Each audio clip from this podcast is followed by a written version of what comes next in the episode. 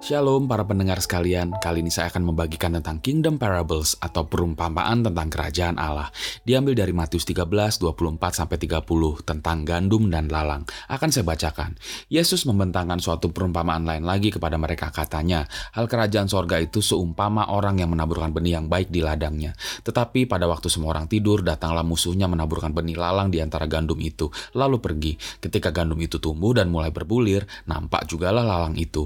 Maka datanglah datanglah hamba-hamba Tuhan ladang itu kepadanya dan berkata, Tuhan, bukankah benih baik yang Tuhan taburkan di ladang Tuhan? Dari manakah lalang itu? Jawab Tuhan itu, seorang musuh yang melakukannya. Lalu berkatalah hamba-hamba itu kepadanya, Jadi, maukah Tuhan supaya kami pergi mencabut lalang itu? Tetapi ia berkata, Jangan, sebab mungkin gandum itu ikut tercabut pada waktu kamu mencabut lalang itu. Ayat 30. Biarkanlah keduanya tumbuh bersama sampai waktu menuai. Pada waktu itu, aku akan berkata kepada para penuai, Kumpulkanlah dahulu lalang itu dan ikatlah berberkas-berkas untuk dibakar. Kemudian kumpulkanlah gandum itu ke dalam lumbungku. Puji Tuhan.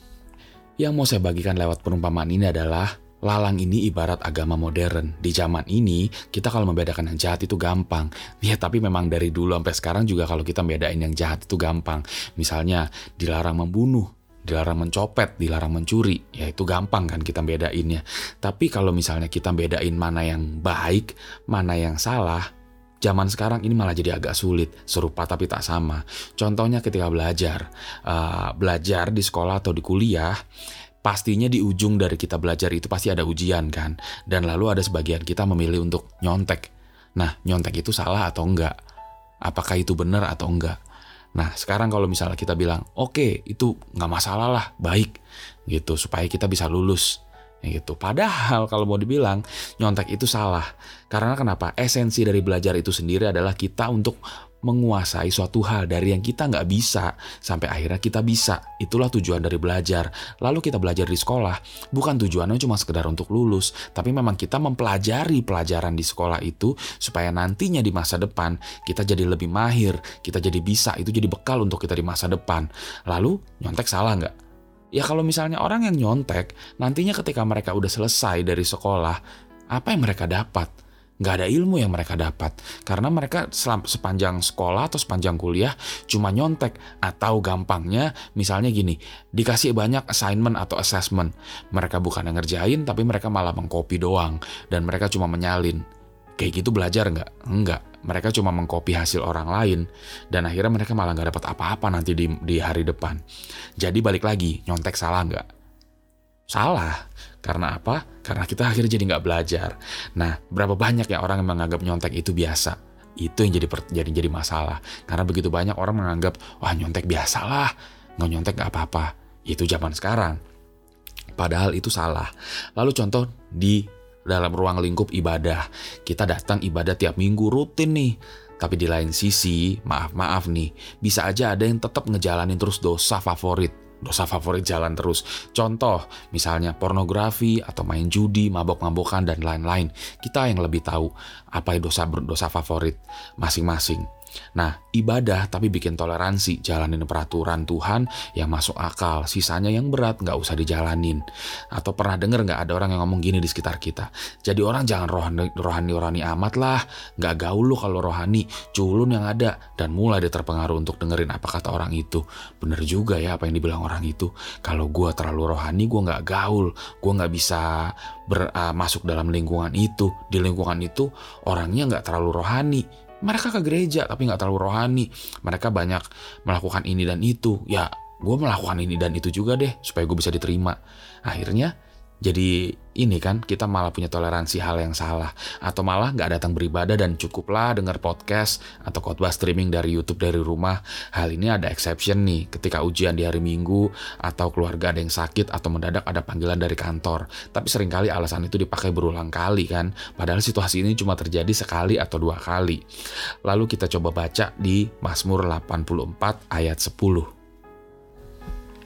Sebab lebih baik satu hari di pelataranmu daripada seribu hari di tempat lain. Lebih baik berdiri di ambang pintu rumah Allahku daripada diam di kemah-kemah orang fasik. Puji Tuhan. Untuk contoh yang tadi ini, untuk dari ayat ini, itu sama aja kayak sikap kita, sikap hati kita kalau kita mau nge-gym. Duh, nge-gym males ah. Mending tidur. Cuaca lagi enak banget, pewek banget nih untuk nambahin tidur daripada nge-gym. Atau enggak ya, bikin alasan. Ya, jalan kaki aja cukup lah daripada nge-gym.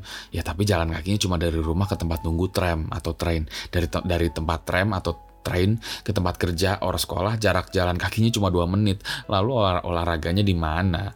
Jadi nggak berasa sama sekali kan? Nah beribadah juga bisa jadi melelahkan kalau memang kita cuma anggap rutinitas.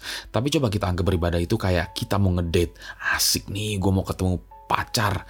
Gue mesti berpenampilan terbaik dan tentunya hati happy banget kan kalau kita mau ketemu pacar. Yes gue hari ini gue ketemu pacar? Yes. Kenapa kita nggak coba mempunyai sikap hati yang sama ketika mau beribadah sama Tuhan? Asik gue mau ketemu kekasih jiwa gue nih, mau ketemu sama Tuhan Yesus. Gue mesti datang sebelum ibadah mulai. Ingat ya sebelum ibadah mulai, bukan di tengah ibadah, pujian udah selesai, atau malah khotbahnya udah mau selesai. Alasannya, ya yang penting ini datang dan ini uh, terima doa berkat. Ya, cuma buat kayak gitu itu salah banget. Justru kalau kita namanya kangen pengen ketemu kekasih dan Tuhan itu kekasih jiwa kita datang sebelum ibadah mulai. Dan kita akan bilang gue akan persiapkan diri gue dengan baik dan gue mau dengerin apa yang kekasih gue ngomong lewat firman Tuhan yang disampaikan. Nah buat gue nih buat saya ini hal-hal begini nih jauh lebih gaul karena gaul itu nggak kompromi lagi sama hal-hal yang salah Nah, selanjutnya ini tentang tentang relasi. Kita berdoa supaya minta dapat pasangan, tapi ketika dapat pasangan kita nggak jaga pasangan, tapi malah semena-mena. Kita bilang di Aussie pacaran kalau nggak tinggal serumah itu nggak keren. Pacaran mah nggak apa-apa free sex, yang penting nggak selingkuh dan tetap menjaga hati. Ini hati siapa yang mau dijaga kalau kayak gini? Ingat dalam hal relasi, kalau nggak menjaga diri, siapa yang dirugikan? Kedua belah pihak. Karena kalau hubungan itu terus berlanjut, lama-lama yang ada cuma pertengkaran dan perasaan jadi hambar. Lalu siapa yang paling dirugikan? Perempuan, kalau berpacaran tapi belum bahkan tinggal bersama, seks bebas, dan lain-lain itu sama aja bikin standar sendiri. Lalu dengan standar yang manusia bikin, apakah ini berkenan sama Tuhan? Yuk kita buka Matius 7 ayat 22. Pada hari terakhir banyak orang akan berseru kepadaku, Tuhan, Tuhan, bukankah kami bernubuat demi namamu, dan mengusir setan demi namamu, dan mengadakan banyak mujizat demi namamu juga. Pada waktu itulah aku, aku ini adalah Tuhan, akan berterus terang kepada mereka dan berkata, Aku tidak pernah mengenal engkau, aku tidak pernah mengenal kamu, nyala daripada aku, kamu sekalian pembuat kejahatan. Wow, malah dienyahkan, berarti dibuang. Ini kacau banget kalau sampai kayak begini. Karena apa? Karena kita bikin standar sendiri. Kalau bikin standar sendiri, ini kan bukan standarnya Tuhan. Tuhan nggak mau kita seperti ini. Balik lagi ke Matius 13 ayat 30.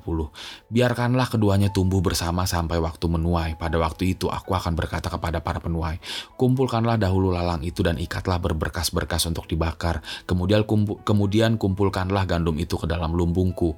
Lewat perumpamaan gandum dan lalang ini apakah kita sudah berperilaku seperti gandum atau kita cenderung seperti lalang? Lalang ini ibaratnya yang saya bilang tadi agama modern. Kita mulai bikin ini, kita mulai bikin itu, nggak sesuai standarnya Tuhan. Kita nggak ikut sama peraturan Tuhan, tapi kita malah bikin peraturan sendiri. Jangan sampai Tuhan berkata, nyalah kalian pembuat kejahatan, lalu diikatlah lalang-lalang itu untuk dibakar. Agama modern habis dibakar, sama seperti lalang. Penutup dari apa yang saya mau bagikan ini adalah mari kita tunjukkan pada dunia kualitas anak Tuhan, anak kerajaan Allah, generasi Yeremia yang gak kompromi dan yang gak cukup puasanya untuk menjaga diri kita sendiri untuk menyenangkan Tuhan, tapi juga kita mau membawa orang lain untuk kenal kepada Tuhan dan tinggal di dalam kebenarannya. Tuhan Yesus memberkati.